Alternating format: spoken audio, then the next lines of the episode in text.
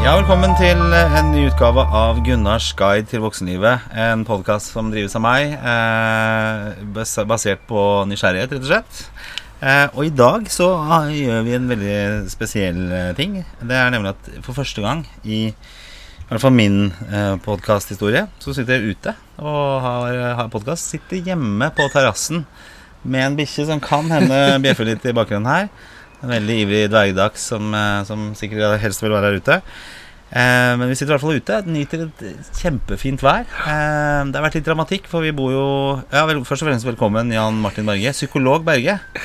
Tusen takk for det. Fantastisk. Er Deilig å være her. Vi skal ha en psykologtime her i dag, Mm. tenkte jeg. Eh, nå har det jo vært litt dramatikk i, i Sandvika i dag. For, det, for en, ja, en time siden eller sånn, så sto jeg ute i hagen her, og da smalt det så inn i helvete. Ja, det smalt jævlig. Og det er da tydeligvis en eh, hydrogenstasjon i Sandvika som har eksplodert. Mm.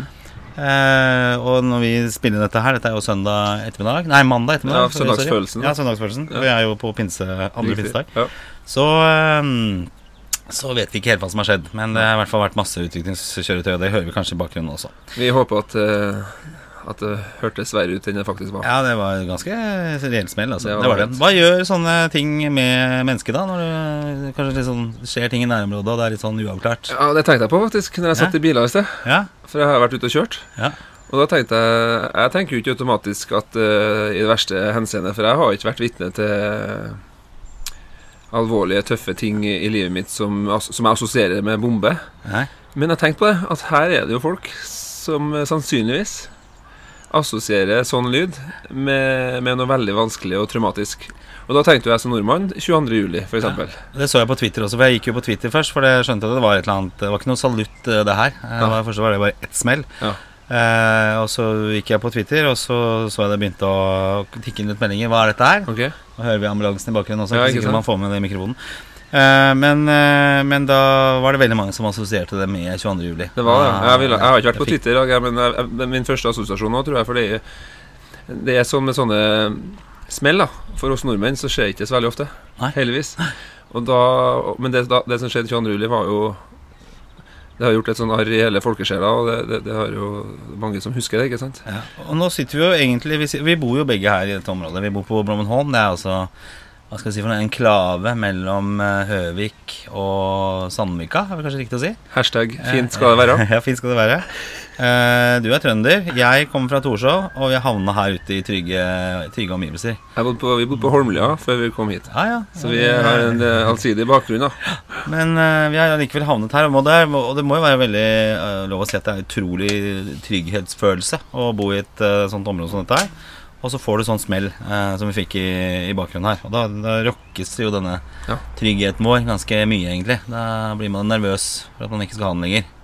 Jeg tror mange kan tenke litt sånn, ja. Men Ja. folk er litt forskjellige òg, da. Men, men jeg, tror, jeg tror mange som kan liksom Hva var det der? Og folk begynner å sjekke og og google og tvitre Og det gikk fort før. Og når vi, jeg kjørte jo motsatt vei mot Oslo, og det var veldig mange politibiler og ambulanser og brannbiler som, eh, som kjørte utover. Jeg fikk jo heldigvis omdirigert deg, for det, ellers hadde jeg sittet fast i køen. Og det hadde ikke blitt noe Det var veldig omtenksomt da, Gunnar. Ja, bra, da. Det setter jeg pris på. Du, øh, nå kommer politiet Nå er det helikopter her også. Jo, så det er ikke noe vi finner på. Nei, det er ikke det. Nå er det full action her, altså. Du, øh, for å presentere deg litt, psykolog Berge. Ja. Eh, du er jo av navnet psykolog. Mm. Si, Hvordan har din psykologreise vært fram til, frem til i dag?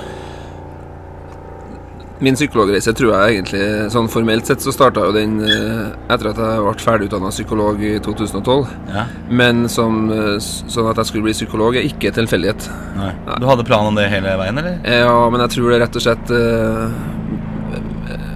Det er jo lett å si arv og miljø, da, men jeg har alltid vært en hjelper, da. Ja. Så jeg har alltid vært en som har eh, brydd meg mye om andre mennesker og hatt mye empati, da. Det har vært lett for meg å sette meg inn i andres eh, ståsted.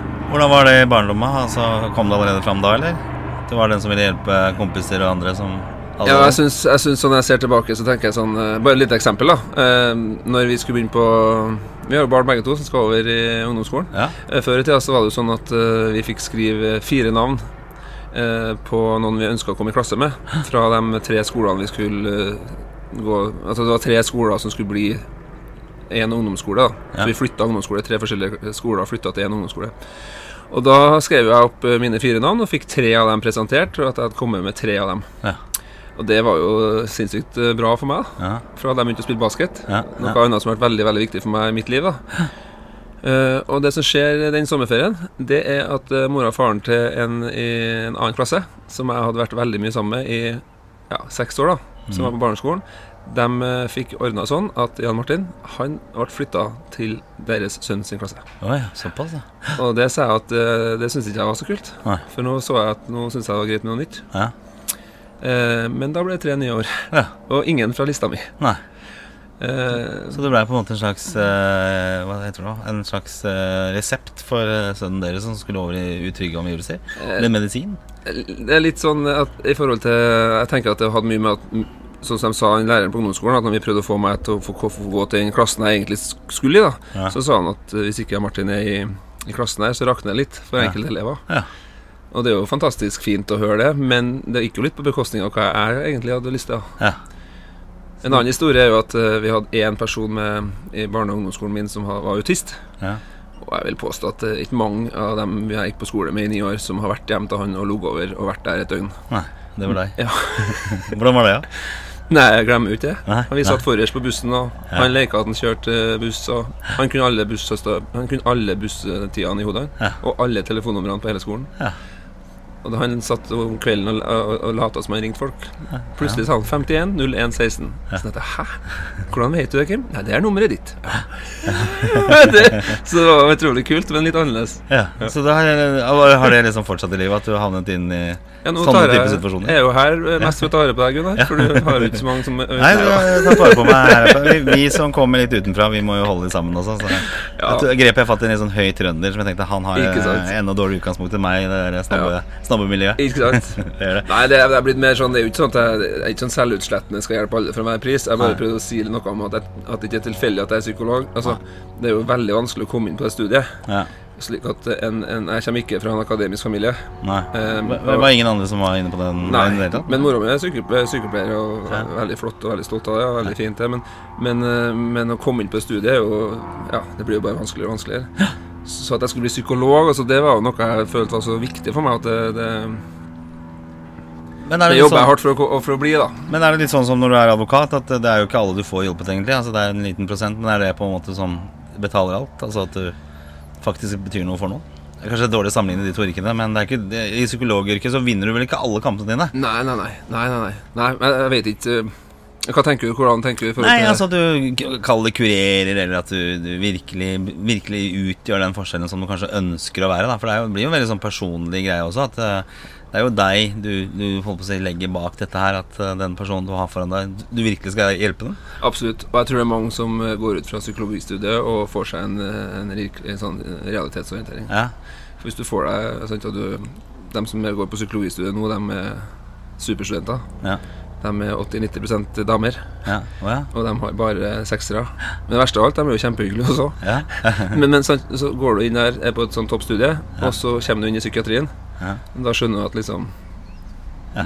Det, det skal mer til enn å- at jeg ønsker om å hjelpe folk. Altså, du, det, det, det, det, det, det er jo tunge, potensielt veldig tunge Hva skal vi si Det fins folk i, i psykiatrien som har hatt det og har det helt jævlig. ja. Så man blir ganske, er ganske ydmyk i forhold til, til den jobben jeg har. Da, Få lov til å jobbe så tett med mennesker. Om det er lettere psykiske plager, lettere psykisk lidelse, eller om det er sånn som det er på mer i, i døgnavdelingssetting. Da, da er det mer tyngre. da ja, ja. Så, så, så det er den ydmykheten jeg går med det til. Og jeg vet jo nå etter hvert som får erfaring, så vet du at liksom Du blir mer rollebevisst, da. Du vet liksom kanskje etter hvert hva du kan bidra med. Ja, for det er jo sånn det er vel. Jeg vil tro at uh, i en utdannelsessituasjon, og det er vel egentlig alle yrker, så har du på en måte ikke den Altså den erfaringen med hva som egentlig foregår der ute. Det er vel, du blir vel en bedre psykolog etter hvert som du har vært borti ting eh, årene går, vil jeg vel tro. Jo, det er det vi tror, Ja. men det er ikke alltid studiene viser at det er sånn. Nei. Så det er interessant. Ja. For det er noe med det, det, det Når man er ny, så er man nysgjerrig. Ja. Man spør. Man tillater seg kanskje å spørre om tok jeg feil. I terapi så ser man at unge Altså, altså alder har ikke noe med saken å gjøre, men ferske studenter i psykologi, de har ofte gode utfall i terapiene sine. Okay. Så det er typisk at hvis jeg og du skulle ha søkt hjelp, så ville jeg hatt en, en litt voksen eh, kanskje dame eller mann. da Erfaren, ikke sant? Ja. Men det viser seg at de, de studentterapiene Ja. De har ofte gode utfall. Så det er litt interessant, det her. Ja. Så man, I forhold til sånn individualterapi, da som er med med én-til-én, ikke sant? Klinisk terapi, altså én-til-én, så, så er mange av de studentene som har For vi har jo terapi som en del av utdannelsen. Mm. Og når jeg gikk i Bergen, det var jo fantastisk studie. det. Ja. Vi hadde jo Vi har jo hovedpra vi har jo praksis andres Altså det er bygd opp sånn at du har eh, ti semester. Mm. Fem år. Så, så i, to år så har vi klinikk på huset. Okay, Ja. Altså ett og et halvt år på huset, og så ett et halvt år ut av huset. Ja. Da var jeg i San Francisco i en sånn privatpraksis. Men, men vi får såpass mye teori og praksis samtidig, Ja. og det er utrolig verdifullt. da Men det er litt sånn du nevner at hvis du er en ung og nyutdannet, så har du kanskje den naiviteten også, så etter hvert så blir du kanskje mer kalle flink, skolert, erfaren, og da mister du litt av den der naiviteten. Jeg vet ikke om den trengs i psykologyrket også. Det her er sikkert noe forskning som jeg burde ha fått med meg, som jeg ikke kan. da Men Nei. det som er interessant, det er at det er noen sånne fellesfaktorer som gode terapeuter gjør, uavhengig av hvilken skole de eh, har gått. da Ja. For man lærer jo ulike retninger. ikke sant? Psykodynamisk og psykoanalytisk. Kognitiv terapi er én ting. Ja. Emosjonsfokusert. Eh, ISTDP er en sånn forkortelse for noe. Men så det er mange skoler. Ja. Men så er det sånn, man skulle jo tro, for den, de skolene har jo forskjellige De bruker forskjellige navn Ja. Og ord og språk. Men det viser seg at de, de gode terapeuter gjør det samme uavhengig av hvilken skole de har. Ok. Er ikke det litt interessant? Ja, det er veldig interessant. Ja. Men er det altså fordi at eh, det har egentlig bare andre navn, men utfallet er De leser forskjellige bøker, det heter Ja. forskjellige ting på prosessene. Men Ja. så viser det seg at de gode terapeutene, uavhengig av hvilken bok de leser, eller Ja. hvordan språk de kaller det de holder på med, så viser det seg at de gjør, det, de gjør mye det samme. Og, og, og noe av hovedfaktoren her er jo den relasjonen du klarer å skape med pasienten. ja. Den tryggheten du klarer å skape i rommet. Ja. Og jeg bruker å si til folk som går i terapi Hvis du merker at det ikke går noe særlig bra i time nummer fem, Ja. så må du si noe til terapeuten. Ellers må du slutte. For at eh, hvor bra bånd du og terapeuten din har innen time fire til seks, Mm.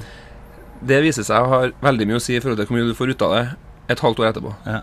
Men derfor er de flinke til å si fra, eller føler de at det er litt ubehagelig å si at Vet du, det her funker ikke? Jeg synes det jeg synes, Det er jo ikke pasientene sin feil. Det er jo, Ja. det er jo, det er jo oss. Det er jo min oppgave. Ja. Det er min oppgave å ta opp det her. Så jeg spør jo hver eneste time. Ja. Hvordan var det her? For, uh... Altså, hvis jeg sier noe feil, kan du være så snill å bare gutse litt og si det til meg? Ja. For jeg vet det er ubehagelig. Ja. Jeg vet jo at det er ubehagelig. ja, det er ubehagelig. For det, det føles jo veldig Du er veldig sånn er, Eller en psykolog er jo en personlig Ja, ting. Du går ikke inn i en bilsjappe for å kjøpe bil, og så er det så veldig mye annet rundt der som kanskje ikke stemmer, eller service og kundeservice, verksted, alt dette her. Altså, det her er, koker ned til én mann eller dame som er psykologet, som skal levere varene. Ja. Og der, eh, og, og der relasjonen er på en måte avgjørende betydning. Ja. For hvis ikke du har en allianse, som vi kaller det, da, eller rapport, eller relasjon, da Altså det må være tillit der. Mm. Hvis ikke du har den, da, da, da viser det seg at da er ikke sikkert man får like mye ut av det. Nei.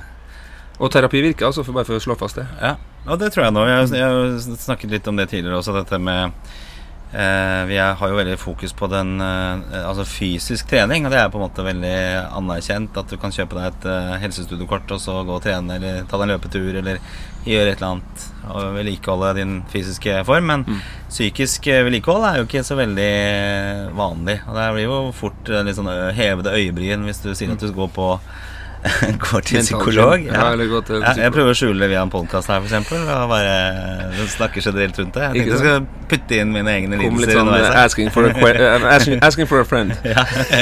Han kommer alt av meg. Han er jo Men uh, Nei, men akkurat det mental helse så det er Det jo ikke så enkelt å snakke om det heller. ikke sant? Og jeg tror det er forskjell her. Vi sitter på Brommenholm, kanskje. Eller hvordan det, hvordan det er på Grålum i Østfold. Altså, jeg tror at det er litt ulikt på Frogner i Oslo, Ja. Blommenholm Brommenholm i Bærum eller eh, på Grålum i Østfold. Det er mindre stigma jevnt over, men jeg tror ikke det er bare Jeg tror det er mye stigma rundt det. ja, og Litt sånn på verksted Ja. et eller annet sted hvor det er kanskje litt sånn røft miljø Ja. også, så er det vanskeligere å stå fram. Ja. Men, men det er vel også sånn at det kanskje er lettere nå å stå fram enn det har gjort, vært tidligere. Altså, Stå fram med å si at man har gått og snakka med noen, f.eks. Ja, det er rett og slett anerkjenne at man har en eller annen form for utfordring da som man trenger å prate om. Jeg håper jo det. Ja, For jeg er ikke opptatt av at folk skal for enhver pris fortelle til alle alltid hvordan de har det. Og hvis du blir veldig syk, f.eks. Ja. Kristine og den podkasten er jo fantastisk å følge, men Ja. jeg håper, det er jo forferdelig, det er jo hjerteskjærende. Ja. Og det er jo flott at hun gjør det, men, men det er jo ikke sånn at alle som får kreft, skal oppfordres til å være åpen til alt, alle om, alle, om alt. Nei. Altså, vi må være litt sånn Skjønner du? Altså. Så det er noe med at eh, Ja, men jeg syns jo sånn generelt sett at det å ha mer åpenhet rundt psykisk helse, det tror jeg er en bra ting. Og det at du liksom du, du blir påvirket av ting. Da. Jeg har snakket Mm. om eh, dette med eget sånn panikkanfall eh, her tidligere. Men jeg husker også når moren min døde, hvor, mm. hvor jeg da helt sikkert burde ha prata med noen. For da jeg, jeg sleit jo ganske lenge med det. Altså, okay. ja, altså, det som var greia, var at jeg, jeg var jo veldig flink til å snakke om dette her hele veien under sykdommen. Jeg var jo kreftsyk og var, eh, var syk i fem år. Og så Mm. var det vel to og et halvt, tre år hvor man på en måte visste hvilken vei det gikk. Okay. Og så var jeg jo veldig åpen med alt, eh, med kollegaer, venner, alt mulig, at, Mm. eh, hva, hva som skjedde. Men så var det jo den dagen hun døde, og den tiden etter. Ja. Så da tenkte jeg det at ok, nå har jeg snakket så veldig mye om det likevel, så nå er det for så vidt ikke noe problem. Men det jeg opplevde hele tiden, var jo å være utrolig sliten. Jeg var Ja. svimmel. Jeg hadde liksom ingenting å gå på sånn Ja. Jeg husker det var en jobbprosess som jeg faktisk fikk, men jeg var så sliten eh, så lenge Mm. etter disse intervjuene. At jeg tenkte shit, hva er det her for noe? Men, eh, og, og det er jo definitivt et eh, tidspunkt i livet jeg burde ha behandla. Ja, okay, jeg vet jo ikke helt det, hvordan det har påvirket meg senere. Eller? Kanskje en sånn ubehandla greie. Men jeg var 55 år ikke sant? og veldig ung, og det var Ja. eh, tragisk. Nei, det er tøft, da. Så det er tøft, det. Så det er Ja. det å gå til det skrittet der som, som gjør det vanskeligere. Men Ja. eh, du, du holder jo en del foredrag også. eh, Ja, for jeg satt og tenkte på det Ja. du sa nå, altså i til Apropos det, men eh, bare for å ta det litt før vi går over litt For jeg snakka om Jeg var forrige, jeg var forrige uke var jeg på Bekkjarvik, Bekkarvik, altså utenfor Bergen. Ja. Snakka om mental helse til folk som tar doktorgrad. Ja. Men apropos det du sier i sted i forhold til For det du sa For meg så blir det du snakker om det stikkordet blir sorg, ikke sant? Ja. Og jeg blir, jeg blir mer og mer opptatt av det. Ja. For, for at det kan komme eh, mye på bordet mitt tilsynelatende som kan handle om veldig mye rare ting på jobben eller kona eller ungene eller Men det er veldig mye sånn uferdig sorg. ja. Hos ja. folk. Ja, det kan Og, og når man får, For hvis man er deprimert, da kjenner man ikke sorg. Men, det men når man begynner å bli bedre og i depresjon, så får man fatt i sorgen, og sorgen er bra. Altså Ja. det, er, det, er, det er noe bra med oss, at vi kan ha sorg. Ja. Det føles, det er ekte. Men depresjon, Ja. det er noe, det er noe jævelskap. Ja, det jeg, men, Skjønner du hva jeg mener? Jeg skjønner hva du mener. Det som kanskje er litt sånn Hvis jeg ser tilbake på min tid, da, for det var jo åpenbart en depresjon og sorg oppi dette her også, Mm. men jeg tror uh, at jeg jeg- Altså, jeg kan ikke liksom huske at jeg gråt på noe tidspunkt, f.eks. Jeg husker jeg ville veldig gjerne gråte, Mm. for at jeg tenkte at det ville være en sånn litt sånn eh, befriende følelse. Ja, sånn slippe på det. det skal, Ja. ja. Men Mm. det fikk jeg liksom aldri til. Eh, og fikk nesten litt sånn dårlig samvittighet for at jeg ikke klarte å få det til heller. Jeg hadde en sånn tendens når jeg gikk gjennom den der talen i, som skulle til begravelsen. Altså, liksom. på, ja, på, re, på liksom dress rehearsalen der, altså i denne kjelleren her, så, så var det nesten. Men ellers så hadde jeg liksom ingen sånne reaksjoner i det hele tatt. Og det jeg hjelper folk med ofte, er jo å få avkrefta eller bekrefta Altså avkrefte at man begynner å tro at man er gæren, eller at man, sorg, man sørger for feil måte, f.eks. Ja. Så hvis du hadde I en sånn type eksempel, da, så er det noen som Og det syns jeg er så interessant å se når folk gutser og tør å komme inn, da. Og så kommer de, og så er det ikke alltid vi trenger å snakke veldig mange timer heller. Nei. Men det er jo bare for litt sånn at jeg er normal. Ja, ja, At du er ikke nødt til å gråte. Ja. Det er greit. Ja. Ja, men jeg kunne tenke meg Ok, ja, men det kan vi snakke om, da. Ja. Men skjønner du, liksom litt den der avkrefta, vet du hva, det er innafor. ja, ja. Det kan ofte være det, kan- For god psykisk helse for meg handler om to ting. Det er evnen til å kunne tåle og gi slipp. Mm. Og, og, og, og, og det med sorg, der er vi så forskjellige. Ja. Og der er så mange måter å sorge på. Ja. Så, så det sånne ting er interessant. da Ja, det, var, det er veldig vanskelig. Det, men det, det snakker også om anerkjennelse. Den, den historien jeg har fortalt tidligere når jeg hadde Ungespodden her med disse svenske jentene. Ja, ja. Med, med liksom dette det var eh, for en del år tilbake litt i, var sleit i forholdet og gikk veldig mye med dårlig samvittighet. Ja. Eh, og så manifesterte det seg til et sånt innbilt eh, hjerteinfarkt da, og inn på, på Bærum her. Og så får det først bekrefta at det er ikke noe gærent med hjertet ditt. Og så kommer jeg da inn til denne syde, holdt på å si, sydeuropeiske legen, eller hva det var for noe. Han var i hvert fall rundt der. Det er jo ikke det store poenget, men han, han hørte hva jeg sa, og at det var, liksom, det var små barn, det var et anstrengt forhold hjemme osv. Og, så videre, og fikk mye dårlig samvittighet. Så sier han bare ja, det, norske damer er vanskelig, vet du. Og så sa han det at det du må gjøre, er å bare Det må gå inn av det ene øret og ut av det andre. Ja. Og bare disse anerkjennende ordene der, da, så merka jeg at liksom dette her slapp bare det helt Ja, det var, det var som sånn. Det var som knipse i fingrene. Ja. Så jeg kan tenke meg at det er vel kanskje litt sånn som kan inntreffe under en terapi også, at plutselig så trykker du på liksom de riktige ja. knappene, eller Ja. vedkommende trykker på de riktige knappene, og så faller ting veldig på plass. Ja. Akkurat sånn som det gjorde med meg. Og noen har litt sånn breakthroughs, eller eh, Ja. får en sånn katarsis, eller aha-opplevelser, Ja. eller, eller at de får korrigert det. At de tror at For eksempel hvis du får panikk, da, så tror man at man skal besvime. Eller man tror kanskje at nå dør jeg. Ja, det er vel hjerteinfarkt. er Hjertet- første ja, man, ja. Eller noen eh, andre som går til meg og tror at det, at det må være kreft. Og så, Ja. ja. men, og så får avkrefta det. Da blir man jo ti kilo lettere. Altså man blir, lettere, man blir letta. Og det er det jeg jobber mye med, at hvis vi kan få pasientene til å bli litt mer letta, mm. så er det jo mer sånn naturlig at For mange så, så, så er det jo sånn at livet det ligger jo liksom til rette for at vi kan ha det relativt greit. Ja. Så liksom hvis vi kan få det litt mer, litt mer letta, Ja. Så, så har vi det ofte bedre. Men er det som eh, er liksom menneskesinnet litt som en, eh, si, en rygg eller en muskelgruppe hvor du kanskje ubevisst går og spenner deg over tid, og så på en måte slår det ut litt? Eller hvordan, hvordan funker det? liksom? For det, Noe er vel kanskje at du får med deg noe fra barndommen, ting er vanskelig, men du utvikler vel eh, depresjoner og vanskeligheter i livet også? Ja, jeg tror det en eh, Hva tror du? Nei, jeg tror det kanskje Jeg tror det For at vi går rundt med, med, med, med summen. Ja. Og sykefravær jo I Norge så er det liksom nakke-skulder nummer én. Nummer to er liksom psykisk helse. Men det er jo mye psykisk helse i disse i ryggene våre. ja, det vil jeg tro. Det vil jeg tro. Jeg har ligget én gang på sykehuset. Ja. Hvis jeg skal selvavsløre litt her, da. Ja. Det lå mye i den ryggen. Altså, jeg kjørte jo altfor hardt på. Ja. Så jeg Ja, ja, prøver ja. å liksom ta litt lærdom her, da. Men Ja. det er jo vanskelig å For det innbefatter jo at man skal, må endre seg litt hvis man skal ta lærdom av disse smellene. da Ja. Men hvis folk skal endre seg hver dag, så hadde jo verden blitt kaos. Så det er jo bra at vi ikke endrer oss hele tida. Men, men det ikke for fort. ja, det er akkurat det. Vi har bygget et samfunn på stress og eh, prestasjon. Så nei, jeg tror du, har, jeg tror du har helt rett. Det sånn, og det, ja. Jeg tror vi sitter med summen, da, og det, det Jeg driver og jobber med å få en, en fyr For jeg driver Av og til så har jeg sånn sett opp sånne, sånne seminar med folk fra utlandet som kan komme hit og fortelle litt sånne Jeg har gjort det bare to-tre ganger, da, men det er Ja. veldig kjekt, for det er veldig sånn det er mye jobb. Men når det blir bra, så er det fantastisk å kunne lage det, da. Ja. Så jeg hadde ei, som jeg liker veldig godt nå, som heter Nancy, som er en sånn psykoanalytiker, altså en psykolog i USA som har høy standing, da. okay, ja. Men mitt neste prosjekt er en kanadisk eh, lege som har jobba mye med, med folk som er døende. Ja. Og, og folk som har hadde um, Og han sier at de som jobber med dem, de er så stressutsatt at de blir syke sjøl. Og han, han er litt kontroversiell, men han reiser nå verden rundt, og han skriver noen bøker, Ja. og, og noe har han for seg. Altså. For han snakker om den stressutsatte personlighet. Ja. Skal du høre lista? ja. Vanskelig, Kanskje ikke. vanskelig du må si nei. Ja. Samvittighet.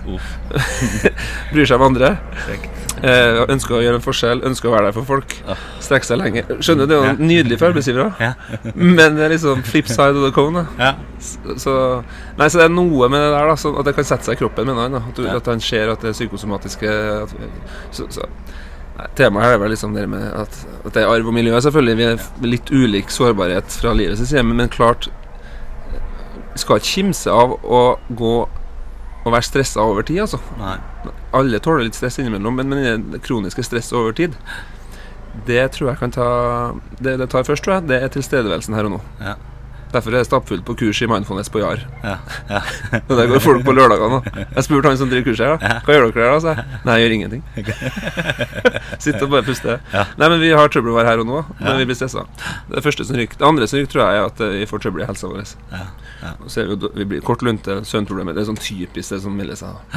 Og så er det mange som drikker altfor mye. ikke sant? Ja. Det, er jo, det er jo deilig. Det gir oss et friminutt. Ja, Liksom. det er kjempebra. Jeg, nå har jeg jo holdt på i tre dager, og i morgen så skal vi ha sånn pils vi pappaene også. Sånn Jeg så men ja. Så det er jo, ble jo nesten fem dager i strekk her. Sånn. Jeg merker at det er ikke bra for meg i det hele tatt. Det, det, det Alkohol det er et depresivum, da. ja. Ja, men, det, men det er på sikt, da.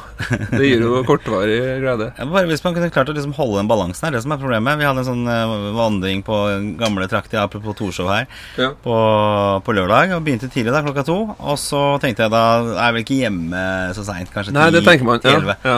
Tre ja. og ramla igjen døra her Ja, i så snakke natta, ikke sant? Og det, er- jeg kunne fint ha strøket eh, ti pils og fire timer fra den, For, det, for jeg, man klarer på en måte ikke i seg akkurat der du Det er noe som heter 'always leave on a high note'. Ja. Eh, vi- Mora mi har alltid sagt det. Ja, ja, Ja, Martin, du må gå hjem fra festen når den er på topp. ja. Eh, Hvordan gjør man det? Ja, jeg hørte eh, fra et eh, favorittprogram fra meg um, eh, som heter Radioresepsjonen, som jeg syns er veldig morsomt. Eh, og de hadde Det var en eller annen som hadde skrevet inn som hadde et tips om noe som het pilsklokke, altså istedenfor okay. pulsklokke. Ja. Det vil si at du har en klokke som da viser deg For pulsklokka kan vise at du ikke er sliten når du selv er sliten. Ja. Mens en pilsklokke kunne da vist når du er full, når du faktisk tror at du er edru. Ja. Eller omvendt. At du Nei, faen, jeg føler meg full. Nei, vet du, jeg er ikke full ennå. Jeg kan fortsette. Fem bonus. Ja, så du har liksom satt det der hvilepul eh, hvilepilsen, da. At du liksom kan liksom Eller makspilsen, Ja. hvor den ligger hen. Men eh, når du var på Torshov for to dager siden, tror du Hadde du, hadde hadde du brydd deg om den klokka da? Nei. jeg hadde ikke det. Det er det som er dumt. At man ikke lærer heller. For jeg visste jo hvordan det gikk. Og jeg syns det er så utrolig behagelig, den der siste fasedelen hvor du Ja. Vi var jo to stykker da som satt og dingla med huet i taxien. Han ene skulle til Jar, og jeg skulle hit. Og vi bare må vite Ja, kanskje han burde vært der. Så det var eh, Nei, det var ikke noe særlig, altså. Så klart alkohol er ikke Og jeg merker jo det at man blir veldig sånn utkjørt eh, flere dager etterpå også, og er, er, ikke, er ikke liksom i balanse. Syns det blir verre jo gamlere man blir? Ja, det synes jeg. Å, ja, absolutt. Og jeg tenker også at eh, kan jeg på et eller annet tidspunkt være, være uten dette her? Altså snakke om mindfulness, da. Liksom det å å tørre å være til stede i en sosial sammenheng uten å ha noe å drikke. Men det som er problemet også, er jo det at Og jeg så noen eksempler på det her også for, i, i nær, nære dager siden, holdt jeg på å si. Hvor man ser liksom eksempler på hvordan eh, en full person begynner å operere med, med dette med høyrøsta, kanskje litt mer påståelig. Nei, man ikke Man, eh, man eh, gjentar seg selv eh, Ja. flere ganger, ikke sant? Ja. Eh, Nei, så, det- ja. så det er ikke noe særlig det. Men hvordan ser det ut i psykiatrien i dag? Altså, i- i mitt inntrykk er jo at det, det, problemene vokser. At det, det blir flere eh, der ute som trenger behandling. Eh, psykisk helse er dårligere enn det har vært. Ja, det, men det, det, vi får inntrykk av det, for at det kanskje er lettere å snakke om det. Ja. Men om det er blitt mer eller mindre, det er ikke jeg enig om. Nei. For en grunn til at man snakker mer om det, og kanskje får inntrykk av at flere strever med det, det kan jo være at eh, det er blitt lettere å snakke om. Ja. Men antall folk med depresjon, Ja. det var like mye for 100 år siden. Det kan man jo tenke. Men at vi, det var skjulte tall. At, altså skjønner du at det blir bare For, for at legen nå det, det er en akseptert diagnose. Ja. Så, så der er forskerne uenige om det er blitt mer eller mindre av eh, psykisk eh, lidelse. Ja. Men det sier jo det der at du, etter hvert som du får mer eh, ting i livet da, ikke sant, eh, så, så kommer depresjonen, for da blir du mye mer bekymra over ting. Altså Hvis du bare har bekymringen mat og tak over hodet, Ja. som selvfølgelig er en voldsom bekymring, så, så, så har du på en måte det å fokusere på. Men Ja. når vi som sitter her, da er jo småborgerlig borg eh, rett utenfor Oslo, Ja. da har vi plutselig masse andre problemer. Det er båten som skal opp, og det er eh, ting og tang, og unger som Ja, ikke kanskje fungerer Det er sosialt, interessant. så videre. Og, og det er jo fælt å snakke om selvmord, men det, er- det er jo mange, mange færre som tar livet sitt når det er krig. Ja. Hvorfor er det sånn, liksom? For da blir overlevelse- overlevelsesinstinktet Vi har mening, vi har tilhørighet, vi har sammenheng, vi, har, vi trenger hverandre. Ja. Vi må stå, vi har en fiende, vi må stå, vi må hjelpe hverandre. Ja. Så Nei, så det, det Men det med sosiale medier har jo blitt påpekt som en sånn, et litt sånn problembarn. At uh, I ene retningen kan du jo selvfølgelig få ut budskap og, og få åpenhet rundt det, men på den annen side så blir en veldig sånn prestasjonsarena som, Ja, eh, sånn for, mange er veldig, ja, ja. som for mange er veldig problematisk. Og særlig vi med ungene våre og sånn som Ja. begynner å nå en viss alder. Ja. Der er det jo på en måte flere, flere arenaer de skal på enn det vi liksom. på med. da Før i tida så sa man liksom til ungdom liksom at uh, du må ikke skape det. Nei. Du må se litt til pappaen din eller mammaen din, og se til etternavnet ditt, og se hvor du kommer fra i, i, i geografien. og se liksom Det var liksom Der du kom fra i bygda, det er liksom din identitet, da. Når du kom hjem og var 16 år fra trening og gikk hjem, så var du liksom i fred. Og du Du skal ikke skape deg noe særlig. Nei. Nei. Men hva sier man til ungdom i dag? Skap deg. Ja, du gjør det. Du må skape deg. Ja. Og du, du, du er ikke ferdig når du er på trening. Liksom, du kommer hjem og har du telefonen din. Og, og hvis du ikke får til å skape deg, da Ja. Hvis du ikke klarer å skape den identiteten, hvis du ikke klarer å ha tilhørighet til den inngruppa som, som er kul, da Ja. hvem sin skyld er det? da? Du kan ikke skylde på bygda di. Du Nei. kan ikke skylde på familien din. og sånn Nei, det er jo din feil. Ja. Eh, Så som ung i dag så er det mange som kjenner på en sånn veldig opps sånn følelse av ikke å være bra nok. Ja. Det er noen som hevder at det her er jo oppskriften på å kjenne skam. Ja. Og hva sier skamfølelsen? Den sier jo 'hold deg bort'. Ja. Du er ikke bra nok. Nei. Så noen kan jo få seksere på videregående. Mm. De blir jo ikke glad. Nei. De blir letta. Ja. Altså, for det er så høye krav til liksom vellykkethet og være flink og sosial og, og faglig dyktig. Og, so, og det er jo det er mange som legger mye på seg da, og, av disse kravene. Og nå er det jo sånn at du kan sammenligne, og det tror jeg vi gjør. Eh, selv om det ikke er bra for oss, så gjør vi sammenligner oss med folk rundt oss. Mm. Og det tror jeg handler litt om evolusjon. At altså, Før i tida så måtte vi liksom detektere hvordan var folk rundt oss. Vi må kunne se er vi trygge her. Hvem er gjengen min? Ja. Det er viktig for at uh, vi må føle oss trygge. Ja. Hvis ikke så kan vi bli tatt. Men i dag så driver vi og ser rundt hverandre på Instagram og på Snapchat, og vi ser på, i skolegården og vi ser ut på byen og sånn. Og da, det man ser da, det er at man sammenligner seg selv med andre. Ja.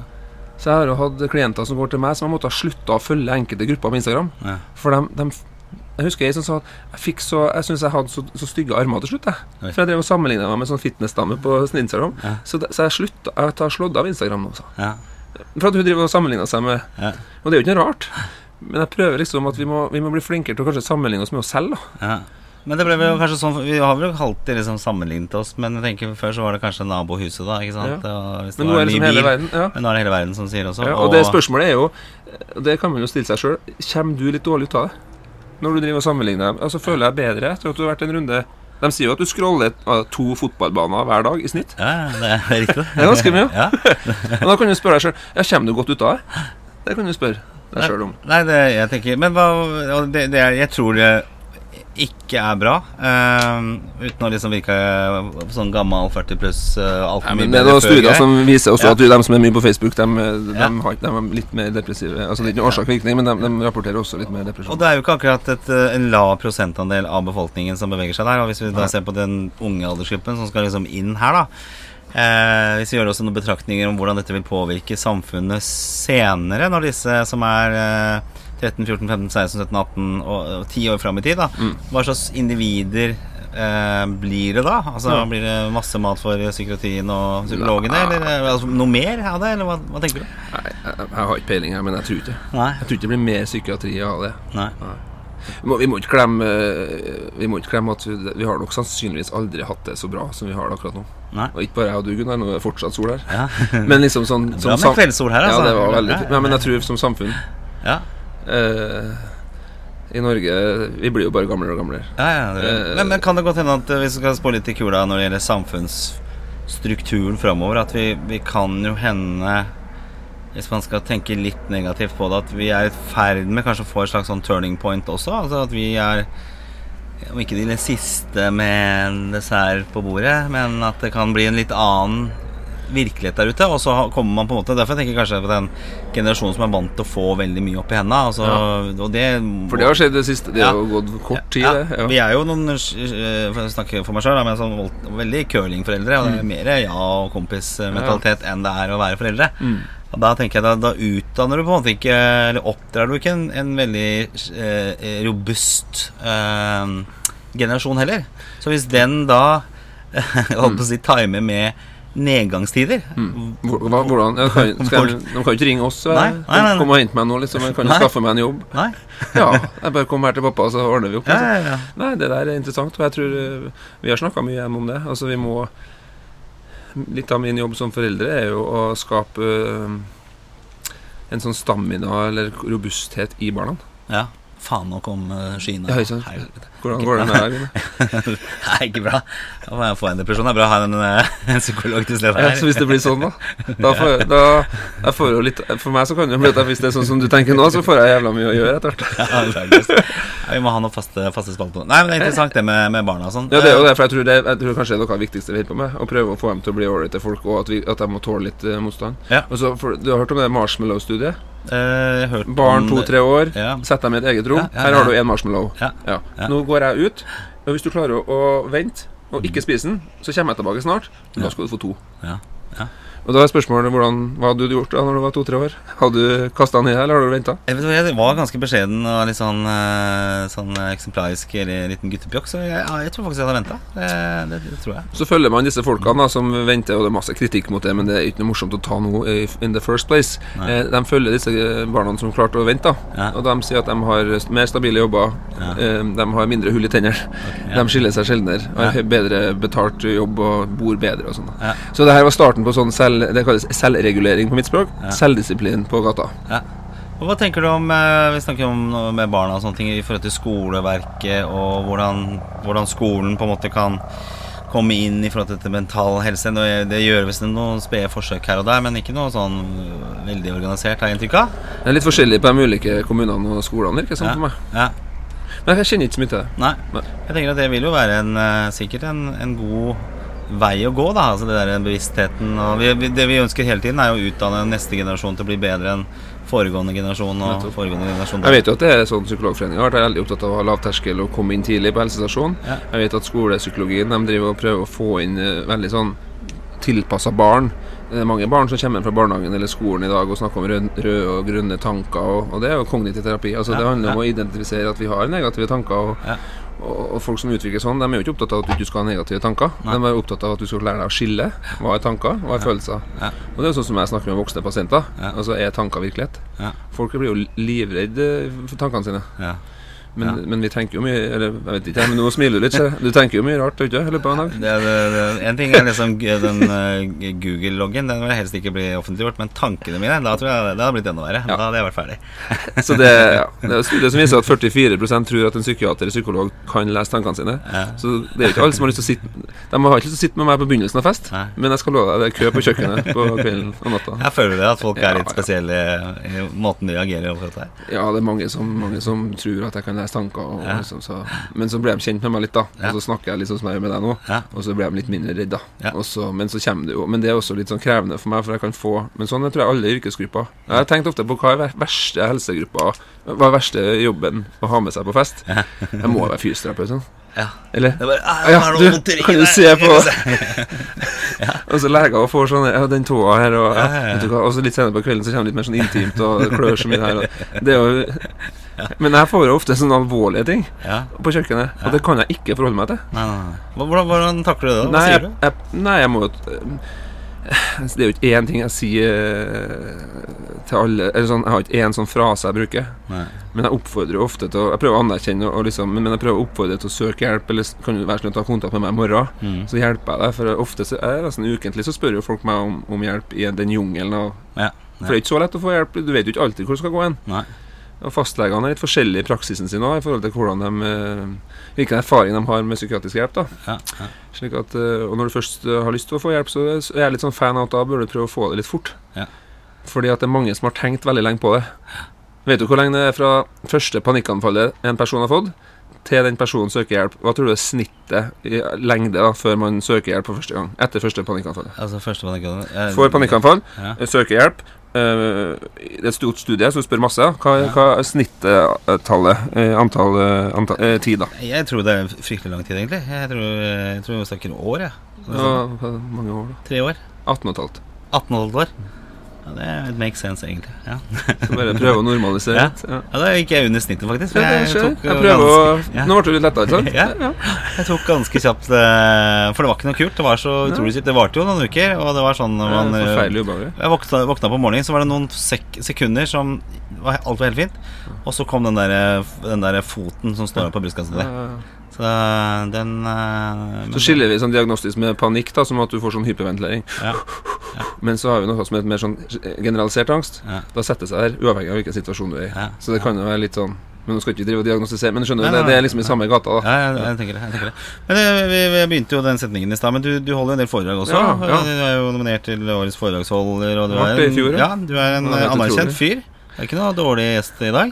Nei, takk for det. Eh, og, og da er det jo også mye rundt å snakke med bedrifter og, og, og hvilke, hvilke, hvilke sammenhenger Eller mer kanskje hva sier du da når du er ute og holder disse foredragene? Sikkert avhengig av litt type bedrift, men eh, Ja, nei, jeg prøver å tilpasse litt, ja. Ja. Men jeg snakker eh, det er jo en del generelle eh, tenker jeg, sånn innenfor bedriftskultur og jobbsituasjon som Ja. kanskje er ganske likt overalt. Ja, for hvis du på din jobb da eh, tenker at eh, vi, vi, har noe, vi har en del sånn Vi må ha noen møter i løpet av året, og så av og til så Vi må komme oss ut av kontoret òg. Vi må på en annen plass litt utafor her. Og så ja, Det er viktig at sjefen snakker litt om regnskapet, og HR snakker litt om uh, hvordan det går. Altså, Man har sine faste poster, liksom. Ja. Men, men det er ofte ålreit å kunne få noen eksterne til å komme inn og liksom kanskje si noe om noe helt annet da Ja. enn interne ting. Ja.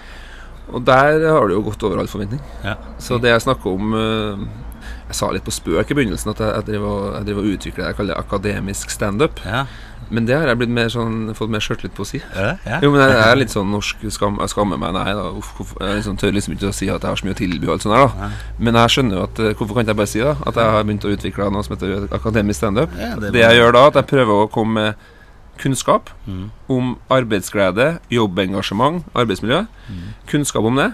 Eh, Ipakka en måte som skal stimulere til mye latter og humor og begeistring. For ved latter og humor så utløser du en del eh, positive ting også. Følelser fremmer læring. Ja.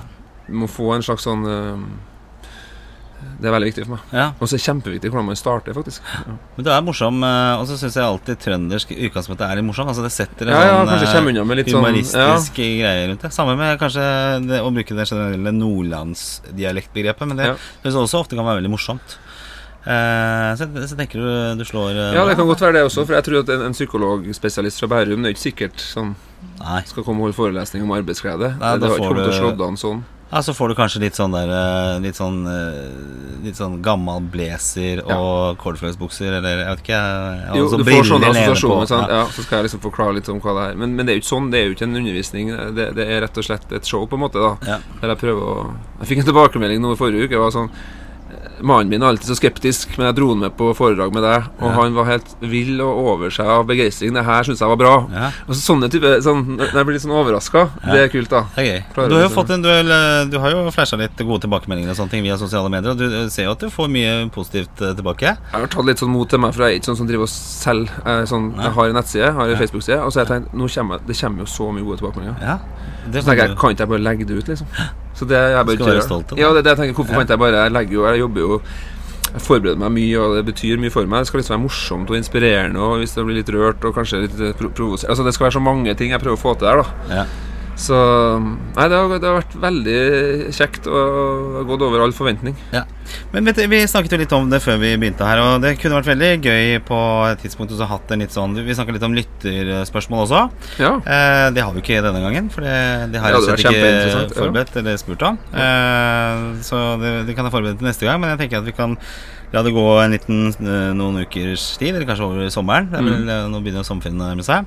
Og så kan vi ha en liten sånn fast spalte, siden vi bor jo rett uh, Det må vi kunne få til. Ja. Men jeg så på loggen vår, så vi har jo mye med hverandre å gjøre i ukedagene. Men uh, vi begynte å snakke om det her 22. januar, så vi må, vi må Skjerpings fra min side. Det er ikke din eh, Du har vært på hele tida. Ja, Som uh, litt sånn oppsøkende journalist så har jeg. Du står på lista over folk jeg hadde lyst til å snakke Ja, med. men det er utrolig Så det, det er kult. Jeg, men jeg tenker at det var en mening med det. Nå kan vi sitte ute. Nå er riktignok skya kommet foran sola der borte. Men, Hvordan går det med nå?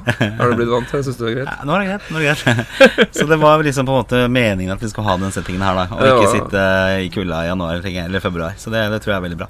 Du, Jan Martin Berge, utrolig gøy å ha deg her. Vi, jeg vet ikke om det er en psykolog som har sagt det, men nå passerer vi de gylne 42 minuttene en podkast skal være. Oh, ja, ja. Eh, så det jeg tenkte kanskje Interessant, eh, Jeg var fan av liksom sånn tre kvarters tid. Liksom, da tar jeg alltid en pause hvis jeg har kurs og sånn. Så Ja, det, ja, 40, så det er, Det er noe med oppmerksomhetsspennet, føler ja, jeg. Ja. En skoletime er vel også 45 Ja, minutter, og en fotballkamp er to ganger 40 minutter. Konsultasjon med meg. Ja, så- 45 til 50 maks. Det er det? Ja. Ok, ja, men da har vi jo passert det. Men hvis vi skal eh, få noe ut av konsultasjonen, da uh, Hvis vi skal ta liksom en liten sånn ting man skal ta med Vi er jo på vei inn i ferietid, uh, mye ting som foregår i Oi, oi, oi, relasjoner. og så ja, jeg tenker Vi burde nesten hatt en feriespesial for å få rusta folk inn til ferien. Det er jo dessverre stappfullt på alle familievernkontor i Ja, det er dessverre det. Ja. Men hvis du skal uh, bare gi noen velmenende råd da til eh, folk nå i starten av juni, eh, før fellesferien starter, for å ivareta sin egen mentale helse og ikke minst omgivelsene sine. Ja, Det er vanskelig å si ett tips, men jeg kan si to ting. da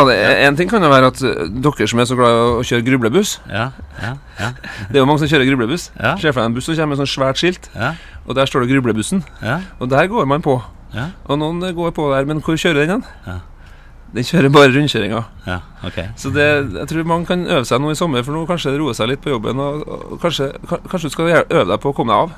Ja, ja. Og hvis du er på da, når du ligger der og går rundt og rundt, så kanskje du skal øve deg på å gå av. Og kanskje identifisere når er det du bruker å gå på.